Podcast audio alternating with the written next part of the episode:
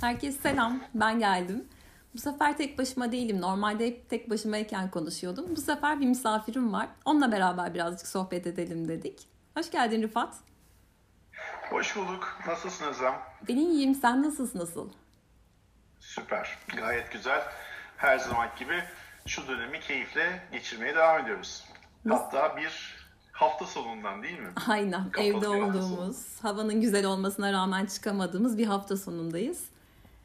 Kesinlikle. O yüzden de nasıl mutlu olacağız bu hafta sonu düşünmemiz lazım değil mi? Aynen. Bu hafta sonlarında daha birçoğu olacak herhalde muhtemelen. Çok büyük Nasıl olur. güzel geçirebiliriz? Ne yapıyorsun? Nasıl geçiyor bu sürecin? Ya ben pandeminin başından beri hayatımın en güzel zamanlarını geçiriyorum. Kesinlikle. Süper. Evet. Ee, gerçekten de birçok insanın da bunu yaptığına inanıyorum ben. Kendine zaman ayıran birçok insanın bence bunu yaptığına inanıyorum diyelim. Tabii bazılarımız biraz daha şanslı. Mesela ben tek tek kişilik bir evde yaşadığım için bence bir tık daha şanslıyım. Belki çocuklu aileler biraz daha zorlanıyor. Çünkü normalde çocuklar biraz daha fazla hareketli oluyor. Ama bence bizler için böyle biraz daha kendi gelişmeye adamış insanlar için e, eğer dış etkenleri de azsa çok keyifli bir zaman olduğunu düşünüyorum. Sende nasıl durum? Ee, çok benzer şeyleri hissediyorum. Bana da bu pandemi süreci iyi geldi. Ee, gerçekten kendime döndüğüm bir süreç oldu. Çok da iyi oldu. Hani yapmak istediğim ne varsa aslında dışarıya çıkmanın dışında online olarak ne yapılabiliyorsa yapmaya çalıştım. Ee, beni besleyen bir süreç oldu. Ama şey konusunda haklısın. Evde kalabalık olan insanlar gerçekten de kendilerine zaman ayıramıyorlar. Ee, toplantılara katılamıyorlar çocukları yüzünden falan. Bayağı zorlandıkları bir süreç. Ama e, bana iyi geldi. Bana iyi Süper. geldi. İyi hissettiriyor. O zaman bizler tadını çıkaracağız artık. Aynen. Olabildiğince en azından çıkartalım. E, sen Kesinlikle. normalde gezmeyi seviyorsun. Bu dönemde gezemedin çok fazla. Ya da gezdin mi diyelim. Ya aslında e, gezemiyorum, yurt dışında gezemiyorum. Yurt dışına gezme şansım oluyor yine. E, hatta daha bugün işte çok böyle sabah kalkıp gözümü açıp gaza gelip çok sevdiğim iki arkadaşıma arkadaşlar Avustralya veya e, işte Avustralya, Yeni Zelanda veya e, İzlanda'ya gidelim gidebiliyor muyuz diye sordum ama olumsuz cevap aldım. Ne yazık ki gidebildiğimiz ülkeler biraz sınırlıymış. E, hala var bu arada gidilebilen ülkeler. Bu arada ben de koronanın yani bundan ciddi anlamda korkan birisiyim. Yani kendime göre çok fazla önlem alan birisiyim. İşte işte kimseyle görüşmem, evde zaten tek yaşıyorum, arabayı tek kullanıyorum vesaire. Buna bu kadar özen gösteren birisi olarak içimde baskılayamadığım bir dışarı çıkma, gezme, dolaşma isteği var ama işte boş yerlere gitmek istiyorum. E, o da şu anda tabii biraz daha zor. En azından onu anladım bugün. O arkadaşlarımdan bunu öğrendim ki gidebileceğiniz bir 6-7 ülke falan kalmış herhalde. E, nerelere gidiyoruz hiç bakmadım ben. Yani Bulgaristan var, Sırbistan var. Romanya var doğru. Romanya'ya giden bir arkadaşım var. Şu anda bana yeni gelen bir, bir... Ondan sonra başka ne var dediler bana. Ee, Orta Afrika Cumhuriyeti var. Kolombiya var, Brezilya var. Oh. Evet şu anda buna gidebiliyoruz. Zaten çok az bir miktarda sayı var. Yani çok fazla bir yer yok. Avrupa'da sadece 3 ülke kabul ediyor. Ee, yani bunlara gitme şansımız var ama ben şimdi mesela kendim bugün şunu konuştuk. Kolombiya'ya gitsek, Brezilya'ya gitsek zannediyorum ki Türkiye'den daha iyi durumda. Aynen. Sıkıntılı olabilir diye. O yüzden ben aslında şey hayal etmiştim işte kimsenin olmadığı bir yerler. Ee, ama Türkiye'de böyle yerler var aslında. Gezmek istersek Türkiye çok daha mantıklı tabii. Yerel turizm yapabiliriz. Sadece hafta sonları işte bir yerde kalmak lazım. Şu anda bildiğim kadarıyla zaten o yüzden oteller falan bayağı bir doluymuş. Öyle mi? Hafta sonu tek kalacak bir yer yokmuş evet. Aa, insanlar Herkes kaçıyorlar. hafta sonunda otellere gidiyormuş. E, herkes bir şekilde bir fırsat kolluyor. Bir şekilde dışarıda solo almak istiyor. Değişiklik istiyor ve şu anda öyle bir iç turizm canlanması var. Onu biliyorum yani. Yani şey çok kötü etkilendi tabii. Yani herkes çok kötü etkilendi. Bir sürü yer kapandı, restoranlar kapalı falan. Ama şey e, en azından böyle bir taraftan da küçük esnafı hareketlendiriyorsa bu hafta sonları evde kapanma hali. Buna şükür diyelim. Gerçekten zor bir süreçten geçiyoruz ama şu gezmeleri ben de özledim. Gitmek istiyorum. Yani e, ne enteresandır ki sene başındayken böyle kendimce planlarım vardı Nisan ve Mayıs ayları için. E, ama olmadı. Gidemedik. Yani Nisan Mayıs planlamıştım. Yazı hiç planlamamıştım bile. Yani mutlaka ki bir yerlere gidecektik, görecektik. Hiçbiri olmadı. Hayaller hayatlar oldu birazcık. Evet. Ama Bu sen... sene böyle olması gerekiyordu belki. Evet. Sen bir Türkiye turu yaptın herhalde değil mi? Üç desek. Üç mü? Üç Çok iddialı olur.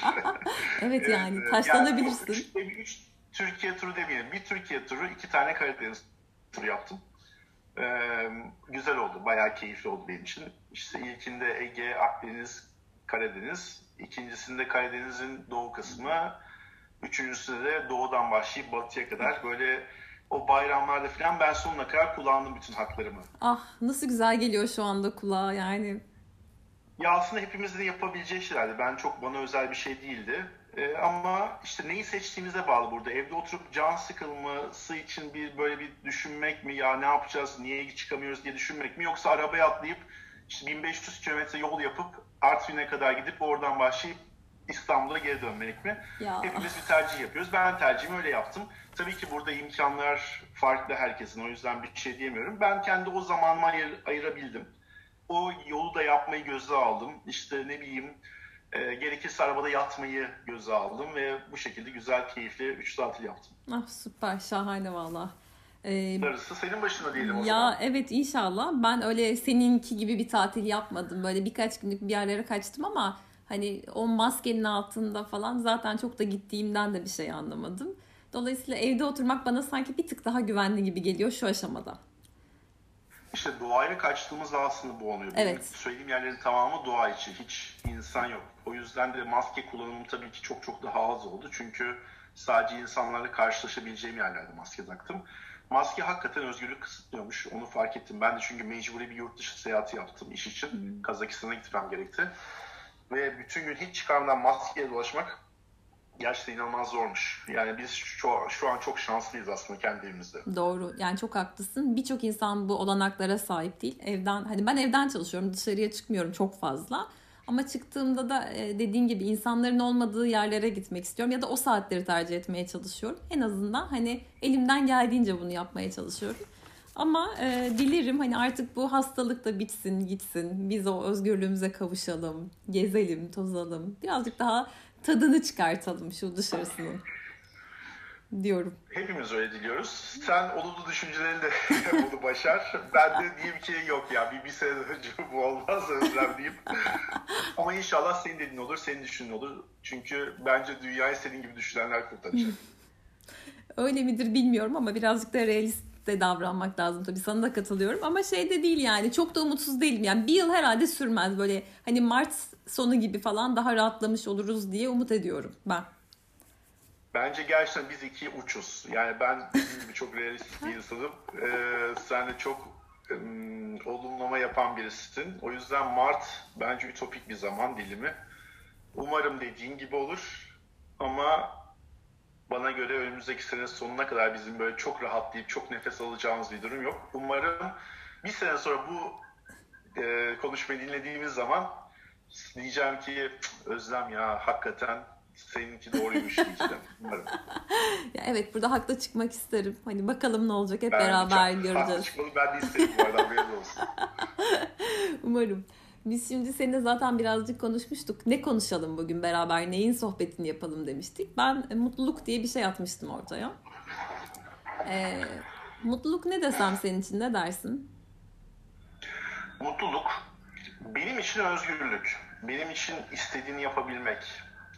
Mutluluk hepimiz için muhtemelen çok farklı ama benim arzuladığım şey daha çok özgürlüğüm olduğu için e, veya ihtiyacım olan şey mi denir? Tam doğru kelimeleri bilmiyorum ama o yüzden de mutluluk benim için evet özgür olmak, sağlıklı olmak, istediği şey yapabilecek kabiliyette olmak mutluluk. Senin için ne bu arada?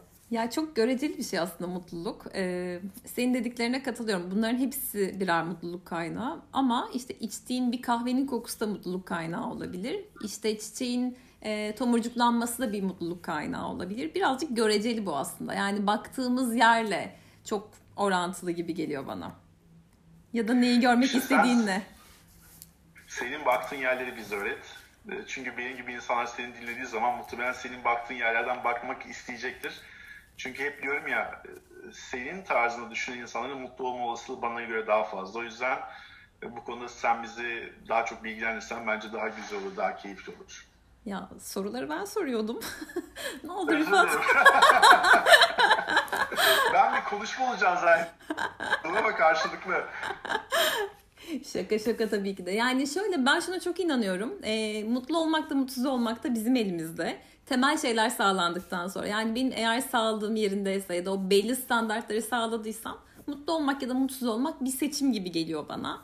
E, o gün kötü bir rüya görüp hani kötü uyanmış olabilirim ve günüm öyle devam ed- edebilir ya da evet kötü bir rüya gördüm ama hani seçiyorum ki daha iyi bir gün olsun diyebilirim. Buna da inanırsam böyle de olur. Dolayısıyla ben artık telefonun alarmını böyle kendimi mutlu edecek bir şey yani bir şeyler yazıyorum. Bazen hani canım ne istiyorsa onu yazıyorum ve onu gördüğümde bugün güzel bir gün deyip gözümü açmak bana iyi hissettiriyor. Ee, birazcık şeye geliyor bence işte neye inanırsan onu yaşıyorsun. Ben mutlu olmayı seçiyorum. Bu bir seçimse bu benim seçimim. Dolayısıyla bir tık daha belki senin gibi realist insanlara göre daha mutlu hissediyor olabilirim. Ama yani mutluluk da şey değil aslında bir hissedilen bir şey. Şudur demek Doğru. şey değil yani. Ben böyle hissediyorum. Sen daha farklı hissediyor olabilirsin. Doğru ama ben sana şunu söyleyebilirim reis bir insan olarak. Ee, niye böyle ayrıldık bilmiyorum ama sanki öyle bir ayrılığımız olduğu gibi. Ee, gerçekten de senin tarzını düşünen insanlara hayranım ben. Çünkü gerçekten daha fazla mutlu olduğunuza inanıyorum. E, ben de bardağın dolu tarafına bakan birisiyim ama işte herhalde realist kısmım çok fazla ağır bastığı için e, senin kadar olumlu bakamayabiliyorum her şeye ama bence bugün keyifli karşılıklı iki farklı gruptan veya kutuptan insanın mutluluk kavramlarını konuşabiliriz karşılıklı. Yani çok uçtayız aslında. Yine bir orta noktada buluşabiliriz bence. Kesinlikle. Ee, peki seni ne mutlu eder? Ne olursa mutlu olursun? Şimdi mutluluk bence bende yıllar içinde evrim gösterdi. Hmm. Bundan 10 yıl önce mutlu olduğum şeyler farklıydı. Bugün farklı. Ee, bazı şeyin doyumuna herhalde ulaştıktan sonra mutlu kavramı da değişiyor. Eskiden daha çok maddi şeylerle mutlu olurken şu an tamamen maneviyata döndü mesela bende de. Ama dedim ya hani zaman içinde bu evriliyor, değişiyor. Bazı şeylerin farkındalığı artıyor. Yaş ilerledikçe e, değişebiliyor. Yani şu an ben 40'lı yaşlardayım. 20'li yaşlarda çok farklıydı mutluluk kavramım. O zaman işte ne bileyim dışarı çıkmak, arkadaşlarımla gezmek, içmek, top oynamak vesaire bunlar beni mutlu ediyordu. 30'larında muhtemelen bir şeyler satın almak, para kazanmak, işte başarılı olmak mutlu ediyordu. 40'ında ise şu anda sanırım gezmek en çok mutlu ediyor. Gezmek ve işte bu sene özellikle çok kavram değişip işte arkadaşlarımın, sevdiklerimin sağlıklı olması beni mutlu eden bir şey. Bilmiyorum Enis'te ne olacak. Yani 40'ın daha henüz başındayız zaten 40'ım. O yüzden de 50'de de muhtemelen farklı bir şey beni mutlu edecek. Belki bilmiyorum şu anda hayal edemiyorum. O gün ne olacak çünkü her şey bir an değişebiliyor bu sene olduğu gibi. E, 50'sinde yine göreceğiz. Sen de peki nasıldı evrimleşme? Yani aslında çok benzer bende de. Dediğin gibi yani daha 20'lerin başındayken falan bu iş hayatındaki şeyler falan beni çok motive ediyordu. İşte aslansın kaplansın diye böyle sırtımı sıvazlama halleri. Ben de evet ya ben çok iyi şeyler yapıyorum deme hissiyatı. Mesela başarı benim için çok şeydi e, mutlu eden bir kavramdı. E, çok böyle zorlanıyordum ama evet ya başarılı hissetmek çok güzel bir şeydi. Sonrasında bunun gerçek e, gerçekten de beni mutlu etmediğini fark ettim aslında. Yani ben birileri beni onaylasın diye bir şeyler yapıyormuşum e, o içsel olarak bir rahatsızlık vardı. İşte belki de orada birazcık kendimi daha çok aramaya başladım. Ne bana daha iyi gelir diye. Ha, bu arada baktığında ben zaten çok küçük şeylerden çok mutlu olabilirim yani. Çok büyük bir şeye de gerek yok. Hani bir kazak alırım o kazak bile bana hani şey yapabilir. istediğim bir şey almanın mutluluğunu verebilir. Ama tabii şöyle bir şey oluyor. O satın aldığın şeylerde işte çok iyi bir araba alıyorsun. Bir ay çok mutlusun. Muhteşem bir araban var çünkü. Bir ay sonra o doyum bitiyor ve eskisi kadar sana keyif vermemeye başlıyor. Bu sefer işin maddi tarafına geçince birazcık daha maneviyata dönüyorsun. Ne senin ruhuna iyi gelire bakıyorsun. Ben işte tam da böyle bir süreçteyim aslında. Seninki gibi yine. Ben de bana ne daha iyi gelir işte evet gezmek, yakınlarımla beraber olmak, sevdiklerimle beraber olmak ve her gün e, bu halimden bir tık daha iyi olmak kendimle derdim yani bir başkasıyla yarışmıyorum da kendimden hani birazcık daha iyi olabilirsem, en iyi sürümüm haline gelebilirsem bunun için çabalıyorum. Bu da beni mutlu ediyor. aslında burada bile belki de kadınlarla erkeklerin büyümesinin hızının farklılığını konuşuyoruz. Benim 30'larda yapmayı hayal ettiğim şeyleri sen 20'lerde yapmışsın. Benim şu an 40'lardaki amaçlarımı sen 30'larında gerçekleşiyorsun. Hakikaten demek ki e, bu zaten bilinen bir gerçekti ama bizde de geçerli. Kadınlarla erkekler arasında e, yaş olarak büyüme yaşı biraz daha farklı, olgunlaşma biraz farklı gerçekleşiyor. Hep derlerdi bunu değil mi aslında? Değil mi? Kadınlar daha erken Doğru. olgunlaşıyor. İşte yani kafalarımız da farklı çalışıyor bence. Çok farklı bakıyoruz yani. Erkekler farklı bakıyor, kadınlar farklı bakıyor. Evet yani şeyimiz çok farklı. Doğru diyorsun. Hiç düşünmemiştim ya bunu sorarken ya da söylerken aklıma gelmemişti ama farklıyız birazcık. Kadınlar Mars'tan, erkekler Venüs'ten. yıllar yıllar önce okumuştum bu kitabı da. Farklılıklarımıza dair. Kesinlikle. Peki şey soracağım sana. Çocukluğuna dönsen en çok seni ne mutlu ederdi? Çocukluğuma dönsem sanırım Helios'a giderdik biz. Hmm. Helios'ta e, turban tesisleri vardı. Şu anda eser yok tabii yerinden ama o turban tesisindeki beyaz çakıl taşları beni inanılmaz bir şekilde mutlu ederdi çok ütopik bir şeyden bahsediyorum biliyorum ama öyleydi. Yani o beyaz taşları görmek, denize girmeyi mi severdim, denizi mi severdim bilmiyorum. Hani öyle çok büyük bir o zamanlar hani sevgimde olduğunu düşünüyorum ama Turban'a gitmek, o beyaz taşları görmek bana inanılmaz keyif verdi. Çocukluğumdaki sanırım en büyük keyif oydu. Şimdi düşündüğüm zaman yazları yaşadığım o heyecan, o Turban'a gitmek. Kaç yaşındaydın bu hatırladığın anılar? Yani muhtemelen 5-6 maksimum 7. Ee, ama diyorum sana daha dün gibi bana de ki oranın şeklini çiz bana de. Çizebilirim sana turban tesisinin ya. yani şeklini. Ve muhtemelen tahmin ediyorum ki ben 15 yaşındayken veya 10-15 yaş arasında orası kapandı. Ama benim aklımda yani hala duygu. Demek ki o küçük halinde, bu 5-6 yaşlarındayken oradaki duygu çok güzeldi. Orada artık ne yaşandıysa e, senin zihninde çok böyle güzel yer etmiş. Ne tatlı. Kesinlikle. Ne kesinlikle, güzel. kesinlikle. Ya bu soruyu sana sorarken ben de düşündüm. Yani ben neden mutlu olurum diye. Bu arada ben bir yeni eğitim alıyorum. Böyle çocuklarla alakalı bir eğitim aldım birkaç hafta önce. Orada şey sordular. Hani çocukluğuna dönsen hangi oyunu daha çok severdin gibi bir soru soruldu. Düşündüm gerçekten yani hiç hatırlamıyorum neyi severdim falan. Sonra yakan top muydu neydi bir oyun vardı. Ortada birileri olurdu can tutardı falan. Onu hatırladım. Ve hani çocukluğumuzdan ne kadar aslında koptuğumuzu fark ettim. Yani unutuyoruz. O halimizi keşke hatırlayabilsek. Çok daha keyifli, mutlu insanlar olacağız. Ama o dünya telaşesine dalınca, o hırslarımızın altında böyle hani daha iyisi olsun diye çabaladıkça e, o şeyden uzaklaşıyoruz. İşte bu sana sorarken de şey aklıma geldi. Başka bir anım canlandı. Çok alakasız. Herhalde 5 yaşında falanım. Ben böyle sokak kültürünü yaşayan çocuklardandım. Ee, böyle mahallede kapının önüne indiğimi hatırlıyorum. Arkadaşlarım da böyle evden e, salça ekmek getirmişler. Yani ekmeğin üzerine salça sürmüşler. Yiyecekler. Ben de eve gidiyorum annemden isteyeceğim ama annemin hiç olumlu bir şey e, diyeceğini düşünmüyorum. Çünkü böyle dışarıda falan çok yemek yem hani herkesin evinde yok diye büyük olasılıkla şey yapmak istemezdi. Dışarıya yemek vermek istemezdi. Ben böyle çok umutsuz bir şekilde gittim ve anneme şey dedim. İşte arkadaşlarım salça ekmek yiyor. Ee, bana da yapar mısın dedim. Tabii yavrum dedi. Hiç beklemediğim bir cevaptı. Annem bana böyle salça ekmek hazırladı. Verdi sokağa çıktım. Şeyi hatırlıyorum o böyle o mutluluğu benim de var. Ben de hani sizin gibiyim. Ben de yiyebilirim hissiyatını hatırladım. Çok basit bir şey ama gerçekten yüzümü gülümsetti. Unutmuşum böyle bir anımın olduğunu. Hatırlayınca iyi geldi düşünmek. Muhtemelen yaş ilerledikçe biz yine bu anıları geri döneceğiz gibi geliyor bana. Böyle ufak mutluluklar bizi mutlu edecek evet. diye düşünüyorum. Çünkü belli bir yaştan sonra tekrar çocukluğa dönüyor ya insanlar. Çocuklaşıyor daha doğrusu. Bence kendi gelişen, geliştiren insanlarda bu geçerli. Yani sürekli gelişim içinde olan insanlar bir süre sonra daha ufak şeylerle mutlu olmayı öğrenmek zorunda.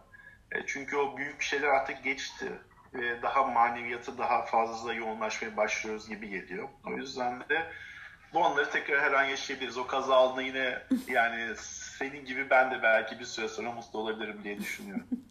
yani şeyi unutmasak, bu anıları unutmasak, keşke böyle zihin bunları bir yerlere atmasa da hatırlasak e, daha şey olur herhalde. Daha mutlu hissederiz herhalde. Bunun için bence ben yapmıyorum ama e, daha önceden birkaç kez daha duymuştum bunları yazmamız Yani bir arkadaşım bana şunu söylemişti, bir defter hediye etmişti. Ve demişti ki bu hafta yaşadığın güzel olayları buraya yaz demişti. Çok böyle mutsuz olduğum bir dönemde yanında olan bir arkadaşım bu ve mutsuz olduğum dönemi biliyordu ve bana dedi ki ya sen çok mutsuzsun okey ama aslında yaşadığın bir sürü güzel şey oluyor ama şu anda onları fark edemiyorsun. Senden ricam bu defteri kullan ve bu defteri işte hafta sonunda veya ne zaman istiyorsan belli aralıklarla yaşadığın güzel şeyleri yaz. Yıllar sonra bunu okuduğun zaman çok keyif alacaksın demişti. Yapmadım pişmanım. Defter hala duruyor. Ee, ama ben insanlara bunu tavsiye ediyorum. Evet yapmadım haklısın diyeceksin ki belki ya yapmadın nereden biliyorsun? Yok ben iyi geleceğine eminim. Güzel şeyleri yazmamız lazım. Güzel şeyleri kendimize hatırlatmamız lazım. Bunun için de yazmak çok güzel bir yöntem olduğunu düşünüyorum. Başka şeyleri yazdığım oldu ve yıllar sonra bunu okuduğum oldu. Mesela e, herhalde 20'li yaş, 20-25 yaşında e, psikoloğum bana şey demişti. Rıfat 10 sene sonrasını yaz demişti. Hı.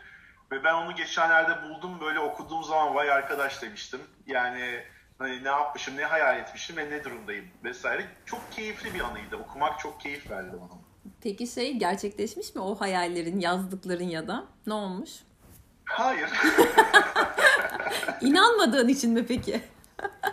yani hayır hayır öyle değil. Aslında şöyle e, hayalimin içinde tabii klasik hepimizin beynine ne yazılır? İşte çoluk çocuk sahibi olmak, evlenmek, iyi bir iş sahibi olmak vesaire. Ben daha çok açık konuşmak gerekirse maddi kısımları halletmişim. Manevi kısımda çakılmışım. E, sınıfta kalmışım. Sınıfta kalmak demeyelim ama hayat beni böyle yönlendirmiş. E, o manevi kısımda işte evleneceğim, iki çocuğum olacak kısmını başaramamış olup işte onun dışında birçok yeri gezeceğim, e, iyi bir işe sahip olacağım vesaire, şurada oturacağım, buna sahip olacağım dediğim kısımları başarmışım.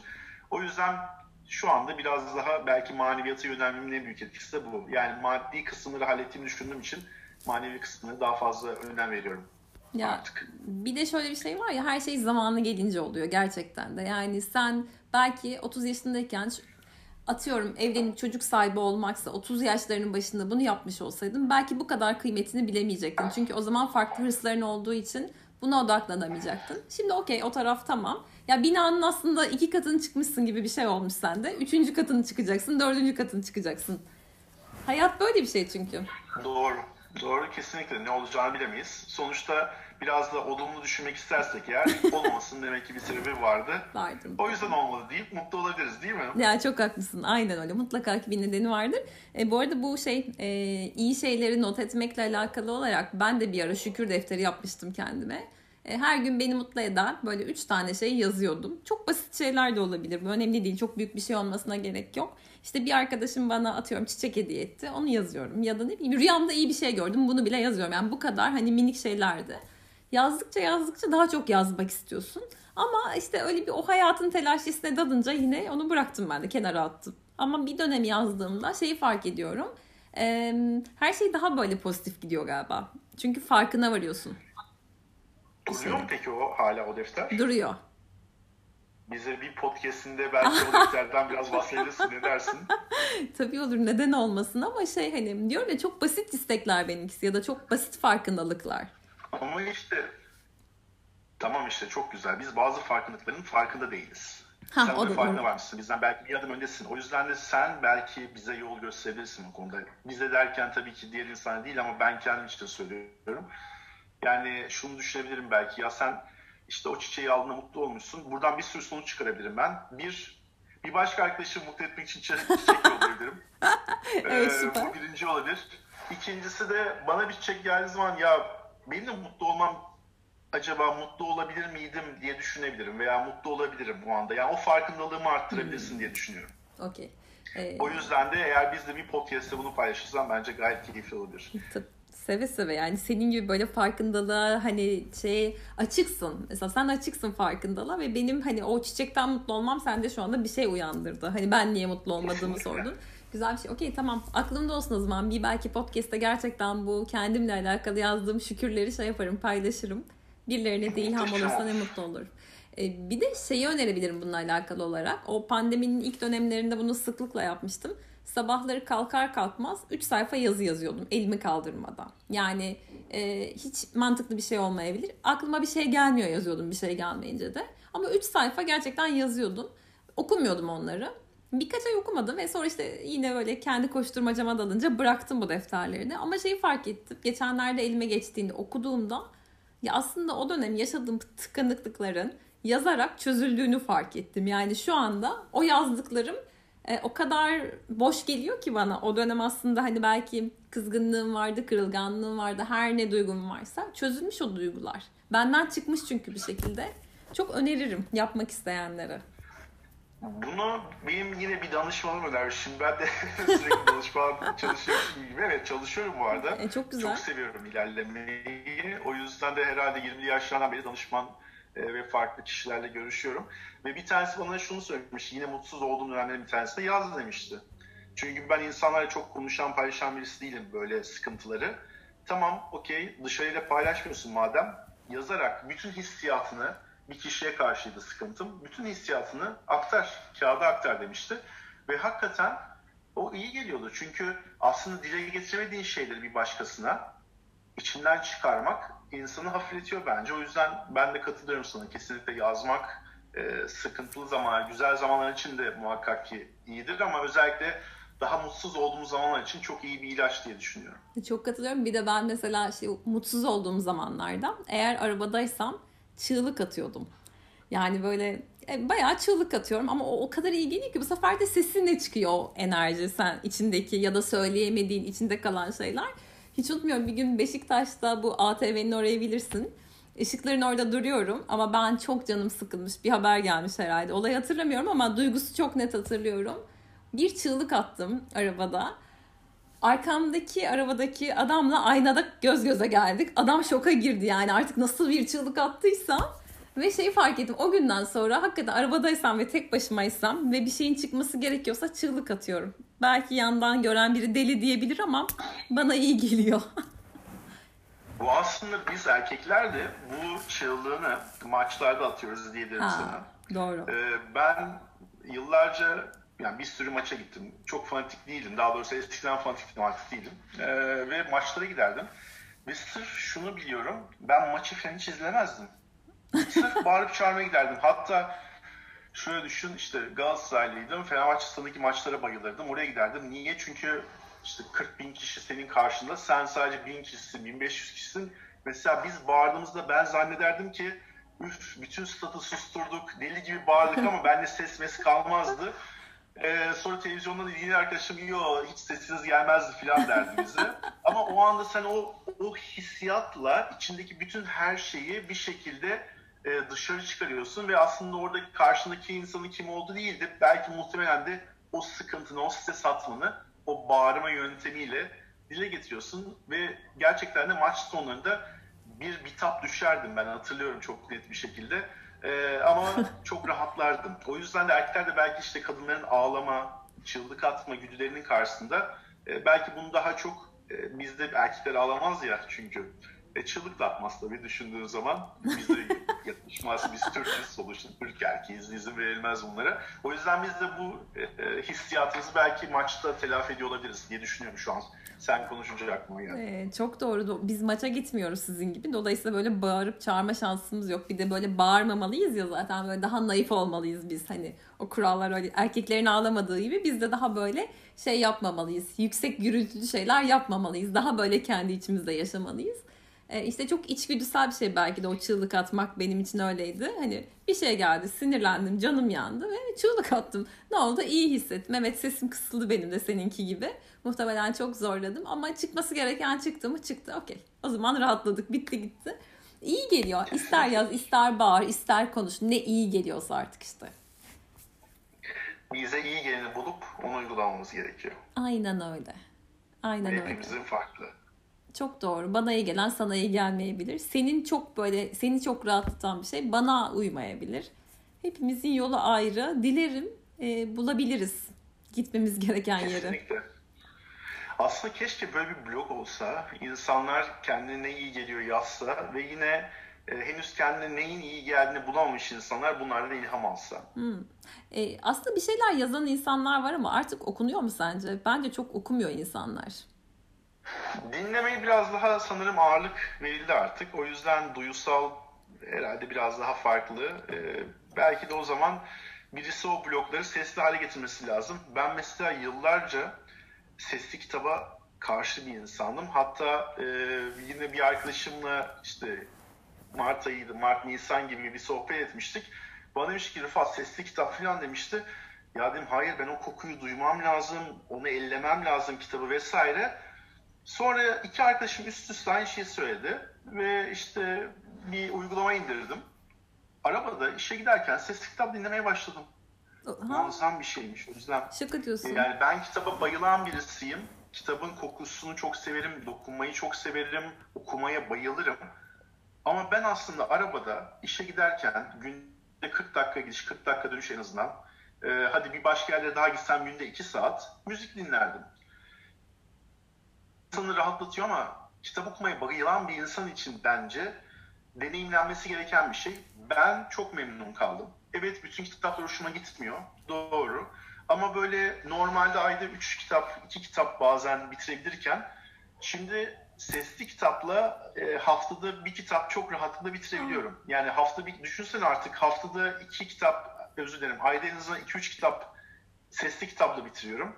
E 2-3 kitap da kendim okusam bence muazzam bir rakam. Türkiye ortalamasının bayağı bir üstünde kalıyordur. Çok. Ve e, evet %100 aynı hissiyatı vermiyor. Kabul ediyorum. Ama hiç yoktan iyidir. Çünkü diğer türlü sadece 2-3 kitap okumuş olacağım. Ee, çok haklısın. Ben de senin gibi çok ön yargılıydım orada sesli kitaba. Hiç başlayamadım. Ee, ben de böyle dokunmalıyım, katlamalıyım, altını çizmeliyim falan. Ben birazcık öyle okuyorum. Mutlaka altını çiziyorum. Dolayısıyla ben bu şeye hiç başlayamamıştım. Ama e, kalbimden geçen şöyle bir şey vardı son dönemlerde. Görme özürler için, görme engelliler için bir kitap okumak, sesli kitap okumak. Dinlemesem bile bunu okumalıyım gibi bir hissiyat vardı. E, hatta şey diyordum acaba hangi kitabı okusam diye. Gerçekten son haftalarda çok kafamda olan bir şey. Sadece adım atamadım. Şimdi söyleyince bir denenebilir neden olmasın. Ön yargımı belki ben de kırabilirim senin deneyiminle. Yani bunun için illa bu arada üyelik de almana gerek yok. Çünkü ilk 15 günleri bunların ücretsiz oluyor genellikle. Hani biz böyle bazen de bazı şeyleri ya boşuna para ödemeyelim diye de öteleriz. Sen öyle değilsindir belki ama ben bazen düşünürüm ya ne gerek var şimdi kullanmayacağım. Çünkü o kadar çok uygulama yükleyip de kullanmıyorum ki ben. Ama orada işte e, herhalde benim kullandığım bir sürü farklı mecra var ama ben Storytel'i kullanmıştım. E, ilk 15 gün ücretsizdi. Bir denedim. İlk 15 günde bir kitap bitirince e, dedim ki kalsın e, gerçekten ve bazı insanların e, ses tonu, tonlaması vesairesi çok güzel oluyor. E, bazıları kendi kitaplarını seslendiriyor. E, bu bana inanılmaz keyif verdi. O yüzden de çünkü düşünsene biz normal kitap okurken niye kitap seviyoruz? Filmden ben daha fazla seviyorum. Çünkü kendi karakterlerimizi kendimiz seslendiriyoruz. Kendimiz hayal ediyoruz. Kendimiz Doğru. kurguluyoruz. Bir film gibi olmuyor. Kitapta da eğer yazar kendisi okuyorsa kendi kitabını kendi duygularıyla okuyor. O da bana çok keyif verdi. Deneyimlemeni çok isterim. Bir tamam. dene bakalım. Belki güzel gelir, devam edersin. Belki de yapmazsın kim bilir. Yok denenebilir kesinlikle diyorum ya çok ön yargılıydım ben bu konuda. Yok ya ben dinlemem hani ben dokunmalıyım kitaba tadındaydım ama şu anda sen de aynıymışsın. Denenebilir neden olmasın. Şey peki o zaman en çok sevdiğin kitap ne şimdiye kadar ya da seni en çok etkileyen kitap neydi? Benimki yok. E, istisnası yok. İki kitap var aslında. E, bir tanesi Mark Levy. Hep söylerim. E, bambaşka bir şeydir benim için. E, keşke gerçek olsa. E, yani ne kadar çok insan okuttum bilmiyorum ama hani kendi kitabım olsa herhalde bu kadar çok insan okuturdum diye düşünüyorum. E, diğeri de Morris Farhi diye bir adamın Genç Türk kitabıydı. Hatta o genç Türk'ü ben bir gün yurt dışındaydım e, ve sahile gitmiştim. Mübalağa hiç etmiyorum herhalde 800-900 sayfalık bir kitaptı. Sabah gitmiştim ve kitabı bitirip eve dönmüştüm. Şaka. O kitap inanılmaz akıcıydı. Evet çok enteresan. Ben onda da kendimi çok çok bulduğum bir kitaptır ki kitapları böyle hani okuyup bitirmek tamam güzeldir ama saat olarak genellikle hayat bize buna izin vermez ya. Ben o sırada yurt dışındaydım. Muhtemelen de hiçbir acemin olmadığı bir zamandı ve o sahilde saatlerce oturup işte artık yani 700-800 sayfalık kitap muhakkak 7-8 saatten fazla oturmuşum demek ki. Okumuştum. O kitap da beni çok etkilemişti. Ama keşke gerçek olsa hiç şiddetli tavsiye ederim. Hatta onun filmi de çekildi ama tabii kitapla alakası yok. Kitapta çünkü kendimiz kuruyoruz dediğin gibi. Ee, ben onun filmini seyretmiş olabilirim. Ama çok emin değilim. Kar- bak, karıştırıyor yani da olabilirim ama tamam okey aklımda. Bir de şimdi 700-800 sayfa... Hı, pardon böldüm. Çok özür dilerim. Kusura bakma bu arada dışarıdan sesler fazla geliyor. Bilmiyorum seni etkiliyor mu çok? Yok çok değil. Ee, evet özür dilerim. Pardon. Senin diye sormuştum ama sen lütfen ilk önce devam et. Ee, şey diyecektim. 700-800 sayfa bir kitabı aynı günde okumak için herhalde hızlı okuma tekniklerini falan biliyorsundur diye düşündürttü bana. Var mı öyle şeyler? Ee, yani o... Yok hayır ama yani kitap okudukça tabii daha fazla okuyor insan. Normalde benim tahminim işte 60 dakikada 100 sayfa yani kitabın ağırlığına göre 60 sayfa ile 100 sayfa arası okuyorum. Benim normalde okuma hızım o civarda. Ee, şeyi çok sevmiyorum. Ee, çok fazla işte kişisel gelişim ben mesela okuyan birisi değilim. Çok haz almıyorum. Çok istisnai durumlar oluyor ama genellikle roman seviyorum. Onlar çok akıcı gidiyor. Özellikle akıcı giden romanlarda. Hatta yine çok enteresanlar. Mesela çok çok sevdiğim romanların sonunda iyice yavaşlarım ben. O gün bitirmem, işte kapatırım işte ya bir sonraki gün 2-3 sayfa okuyayım yine gitmesin bitmesin o kadar seviyorum ki çünkü o hissiyat kaybolmasını istiyorum. O yüzden de o mesela kitabın son işte 50 sayfasını falan süründürüyorum genellikle. Böyle azar azar okuyup onun tadına azar azar vardığım zamanlar çok oluyor. Ah, aynı, sen de öyle mi? Aynı aynı yani çok seviyorsam bilhassa roman tarzı bir şey okuyorsam kesin senin yaptığın gibi yapıyorum. Yani hemen bitirmek istemiyorum onu o tadı damağında kalsın diye bir şey vardır ya tabir vardır ya aynen öyle yapıyorum. Çok da iyi geliyor öyle yapmak. Bu arada senin en çok sevdiğin kitap hangisi? Sana sorarken ben de bunu düşündüm. Ben neyi seviyorumdur diye. Ben şeyden çok etkilenmiştim. Ayşe Kuli'nin e, Adı Aylin kitabından çok etkilenmiştim. E, yine Ayşe Kuli'nin sonrasında Füreyya'sı da beni çok etkilemişti. Ben birazcık daha otobiyografi seviyorum galiba. O iki kitap benim böyle şeydir yani kalbimin bir tarafında olan iki kitaptır diyebilirim. Otobiyografi dedin, o da bana şuna esinlendirdi şimdi. Ben de şu anda Netflix'te bir şey izlerken artık günümüzde ne yazık ki böyle platformlar çok kullanılıyor. Ne yazık ki demeyeyim ama daha çok evde zaman geçirdiğimiz için tabii bir şeyler arıyoruz. E, bunların başarılı birkaç tane var. Türkiye'de en aktif herhalde Netflix. E, ben de gerçekten uyarlanmış filmleri çok sevdiğimi fark ettim. Hmm. Kurgu değil de yani muhakkak içlerinde biraz kurgu oluyor ama gerçek hayattan esinlenmiş olanlar bana daha çok keyif veriyor. Gerçek ya ondan mı bilemiyorum ama e, böyle yaşanmış olması ilginç geliyor. Sen daha re- yani sen daha realistsin ya. Daha gerçekçi olduğun için herhalde böyle Keşke gerçek olsa okuyunca öyle realistik realistik olmadığını anlayacaksın ama hadi bakalım. Tamam ya yani okumadım ama dediğim gibi izlemiş olabilirim gibi geliyor. Çok emin olmamakla beraber bir bakacağım ona. Belki de seyretmişimdir. Güzel kitaplar ayrı bir dünya gerçekten de yani hani ona girdiğin zaman çıkamıyorsun. Ee, televizyondan daha ayrı. Televizyonun yeri ayrı. Ama ben çok televizyon izleyen biri değilim. Dediğin gibi o Netflix gibi artık yeni şey gündem olan şeylerde birazcık daha şey yapıyorum ama onun dışında hani böyle aklıma gelmez televizyon seyretmek ama kitap şey güzel. Besleyen taraf. Bir de ben Kesinlikle. çok alıyorum mesela bilmiyorum sen de öyle misin? Yani okuyamasam bile o kitaba sahip olmak, onun varlığı evde olması bana iyi geliyor. Ben eskiden senin dediğin. Hatta kitap fuarlarına giderdim. Hatırlar mısın hmm. bilmiyorum. Eskiden Tabii. çok aktifti bunlar. E, artık günümüzde işte web siteleri kitap fuarları yaptığı için çok böyle yerlere gidilmiyor. En azından ben gitmiyorum ve e, benim eskiden bütün kitaplarımı tutardım ben. Hepsini. Sonra bir gün şunu fark ettim. Aslında bunu hayatım geneliyle ilgili fark ettim. Çok fazla eşya tutuyorum. Çok fazla eşya hmm. saklıyorum. Çok fazla anı saklıyorum. Bunun aslında benim için çok da iyi olmayabileceğini düşündüm. Ve hayatımda sadeleşmeye gittim. Her konuda. Süper. Ee, hiç abartmıyorum. Ee, işte bir dönem mesela birazcık kilo verir gibi oldum. Yüz küsür tane gömleğim varmış benim. Bunu giyme şansım yok benim. imkansız hepsini verdim. Hepsini. Yani sonra evet biraz kilo verdiğim için vermem gerekiyordu zaten. Ama yerine çok çok az sayıda aldım. Çok az. Ve artık bir şey aldığım zaman yeni eskisini veriyorum. Örnek veriyorum işte 5 tane ayakkabım var misal giydiğim veya 10 tane diyelim. Hadi ben giymeyi seviyorum biraz. 11.yi mi aldım? Bir tanesini elden çıkarıyorum. Hmm. Bir tanesini veriyorum. Çünkü aslında gerçekten bu, bu kadar çok şeye ihtiyacımız yok. Hele evindeki objeler konusunda inanılmaz başarılıyım. Ee, ev inanılmaz sade bir ev. Çünkü o kalabalığın mesela ben beni yorduğunu hissettim. Kitaplar içinde şunu fark ettim. Ben zaten bir kitap ikinci defa okumuyorum. Onlarca, yüzlerce, binlerce kitap yazılıyor her yıl. On binlerce belki de. E, o zaman niye tutuyorum dedim. Bir de paylaşmanın güzelliği var ya, hani mutlu eden bir şeydir insanı bilmiyorum beni çok eder. Birisine bir şey katmak, birisini mutlu etmek vesaire. O kitaplarımı bağışlamaya başladım. Ah, o yüzden de elimde artık o tarzdaki bir kitap yok. Doğru. Okuyacağım kitaplar var. Yine bu arada o tarzda kitap yok diyorum ama belki 60-70 tane kütüphanede şu anda hiç okumadığım, daha henüz okumaya başladığım kitap vardır. Kendime sakladığım kitaplar var, yok değil. Ama bilmiyorum ömrüm yetecek mi onları tekrar okumaya. belki yaşlanınca. Ee, ama şu sıra öyle bir düşüncem yok. Çünkü ben mesela aynı ülkeye gitmeyi seven de bir insan değilim. Farklı yeri görmeyi hmm. seviyorum. Ee, o yüzden de kitaplar da öyle. Yani kitaplar e, var ama artık ben tutmuyorum. Hayatımda hiçbir şeyin fazlasını tutmaya çalışıyorum. Ee, çok güzel. Yani keşke ben de senin gibi olabilsem. Kitapları hala tutuyorum. Hala kıyamıyorum. Evet verdiklerim var.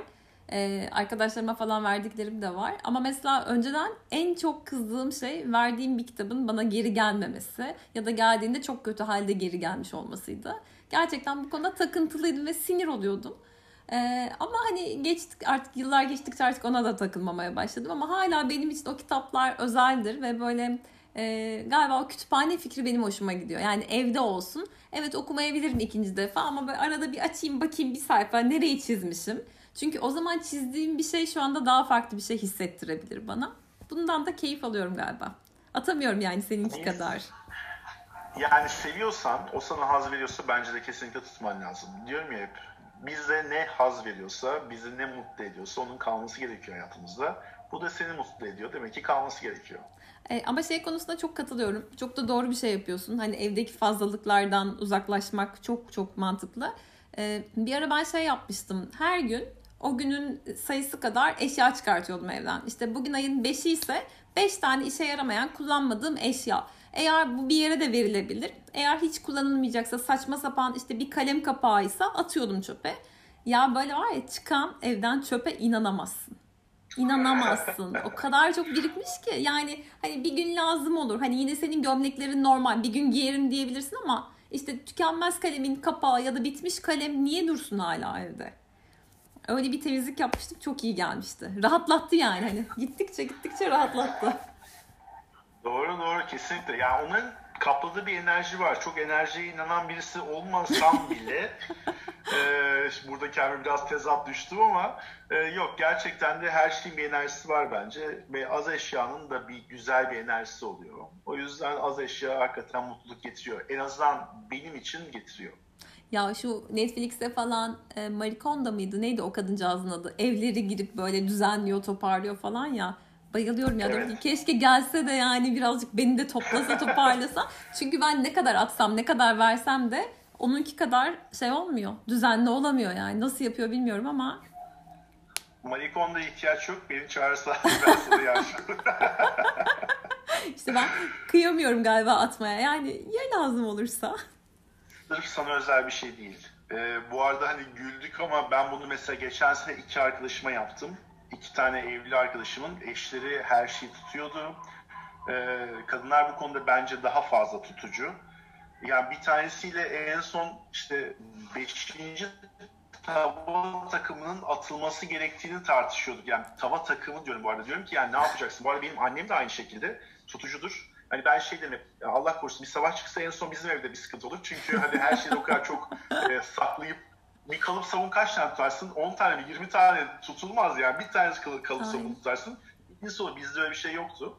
Ama bence bu e, muhtemelen herkesin aslında geçmişindeki bir şeyden kaynaklanıyor. Hadi ailelerimiz biraz daha kıtlık görmüş, daha zorluk görmüş insan. O yüzden günümüzde neden olduğunu bilmiyorum ama son bir sene ben iki arkadaşımın gerçekten evine gidip şöyle e, kapsamlı bir e, mutfak, birinde mutfak, birinde salon e, eşyalarını azalttığımızı hatırlıyorum. Gerçekten zor bir şey bence. Kadınlar bu konuda biraz daha tutucu. Muhtemelen evde, daha çok evde zaman geçirdiğiniz için de bu olabilir. Bilemiyorum. Veya aileden bunu alıyoruz. O da olabilir. Ee, bilmiyorum neden ama velhasıl var yani. Bu sana özel bir şey değil bence. Tamam. Belki evet orada bir desteğe ihtiyacım var. Çünkü şey tabii yani annemler ya da ondan önceki kuşaklar belki de işte o savaş toplumu olmasından dolayı bir kıtlık var ve her şeyi saklamak zorunda hissediyoruz. Benim rahmetli dedem şey saklardı. Yoğurt kaplarını saklardı. Yani ne yapacaksın plastik yoğurt kabını? Lazım olur diye böyle hatırlıyorum babaannemlerin evinde dururdu o şeyler kaplar üst üste. Hani kaç tanesi kullanıldı, niçin kullanıldı bilmiyorum ama saklamaksa saklamak işte. Sen bunu dedende, annenle de görmüşsün. Ben bunu kendi annemde gördüm. Ha. Yani benim annem hayata giderdi. Ben çok net hatırlıyorum. Biz evden yoğurt kaplarını ve boş kavanozları atardık. Yani bence mesela boş kavanozlar hala duruyor birçok insanın evinde. Ve onlarca, yüzlerce yani. O, kadar da e, çok. ben görüyorum birçok arkadaşımda özellikle Anadolu'da çok fazla saklanan bir şey bu. İhtiyacımızın fazlasını tutmak herhalde insanın doğasına var diye düşünüyorum ben. Kıtlık. Kıtlıktan dolayı. Yani Belki birkaç nesil sonra gidecektir. e, belki törpülene törpülene işte hakikaten dediğin gibi olacaktır. Yani umarım en azından öyle olur. Daha sürdürülebilir bir hayat için en azından. Daha olana dönüştürmek için. Evler de küçüldü aslında eskisi gibi değil. Daha küçük evlerde daha e, yaşamlar sürüyor. O yüzden de şu anda evler yenilemeye girdiği zaman da eskisi gibi 120 metrekarenin karşısında 120 metrekare vermiyorlar. O yüzden buna da uyumlanmamız gerekiyor diye düşünüyorum. Doğru. Sığamıyorsun. Biraz Sığamıyorsun. mecburiyetten de aslında belki evrileceğiz hep beraber. Aynen. Peki, eee, şimdi mutlulukla alakalı konuşuyorduk. Bir şey soracağım yine onunla alakalı olarak. Karşındakini mutlu etmek mi, kendini mutlu etmek mi? Bu da bence kişiden kişiye değişiyor. Ben kendim için cevap vereceğim. Benim için kesinlikle karşıdakini mutlu etmek. Ee, çünkü bence hazların en güzeli. Ee, ben kendimi zor mutlu eden birisiyim. Bunu biliyorum ne yazık ki böyle bir dezavantajım var. Zor mutlu olan birisiyim. Ee, ve ama karşındaki kişinin mutlu olması bana inanılmaz fazla haz veriyor. Bu yüzden de ben mesela hayatımı böyle konumlandırdım. Yani bir yere mi gideceğiz? Örnek veriyorum e, bir arkadaşımla gidiyoruz bir yere. Ben başka bir şeye gitmek istiyorum. O başka bir şeye gitmek istiyor. Ben onunkini tercih ediyorum çoğu zaman. Çünkü biliyorum ki o orada mutlu olacak. E, o mutlu olunca da ben mutlu olacağım. O yüzden e, o konuda biraz şanslıyım diyeyim. Şanssızım, kendi kendimi mutlu edemiyorum. Şanslıyım, bir başka insanın mutluluğuyla mutlu olabiliyorum. Sende nasıl durum? Eee, o zaman çok mu fedakarsın? Söyleyeceğim de bir şey merak ettim. Yok aslında ben çok bencil bir insanım bence. Ee, ben cilti derinden kısımdayım. Yani önce ben diyorum. Çünkü biz mutlu olmazsak etrafımızdakini mutlu edemeyiz. Ben birçok insanın bu hataya düştüğünü düşünüyorum. İşte çok fazla fedakar oluyorlar. Kendileri e, birçok fedakarlık yapıp mutsuz bir hayat sürüyor. Diğer insanları mutlu etmek için ben buna katılmıyorum hiç. Ve herkese şunu öneriyorum. Önce kendin. Çünkü sen iyi olursan diğer insanlara iyi gelebilirsin. Sen kötü olursan diğer insanlara iyi gelemezsin ki. O yüzden ben, evet ben şu anda iyi olduğum için belki başka insanları mutlu etmek hoşuma gidiyor. Ee, belki de iyi olmadığı zaman böyle değildi ama şu an çok şükür iyiyim, bir sıkıntım yok. O yüzden başka insanları, sevdikleri mutlu görmek beni çok huzurlu kılıyor. Tamam, o zaman burada duralım. Bundan sonrasını bir sonraki bölümde konuşalım. Olur mu? Süper olur bence. Çok çok teşekkür ederim beni aradığın için bu arada. Umarım bir sonraki bölümde de tekrar görüşmek üzere. Aa, Ben çok teşekkür ederim katıldığın için. Çok keyifli bir sohbetti. O zaman ilk fırsatta diğer bölümde çekiyoruz. Görüşmek Çok üzere. sevinirim. Hoşça kal. Bay bay.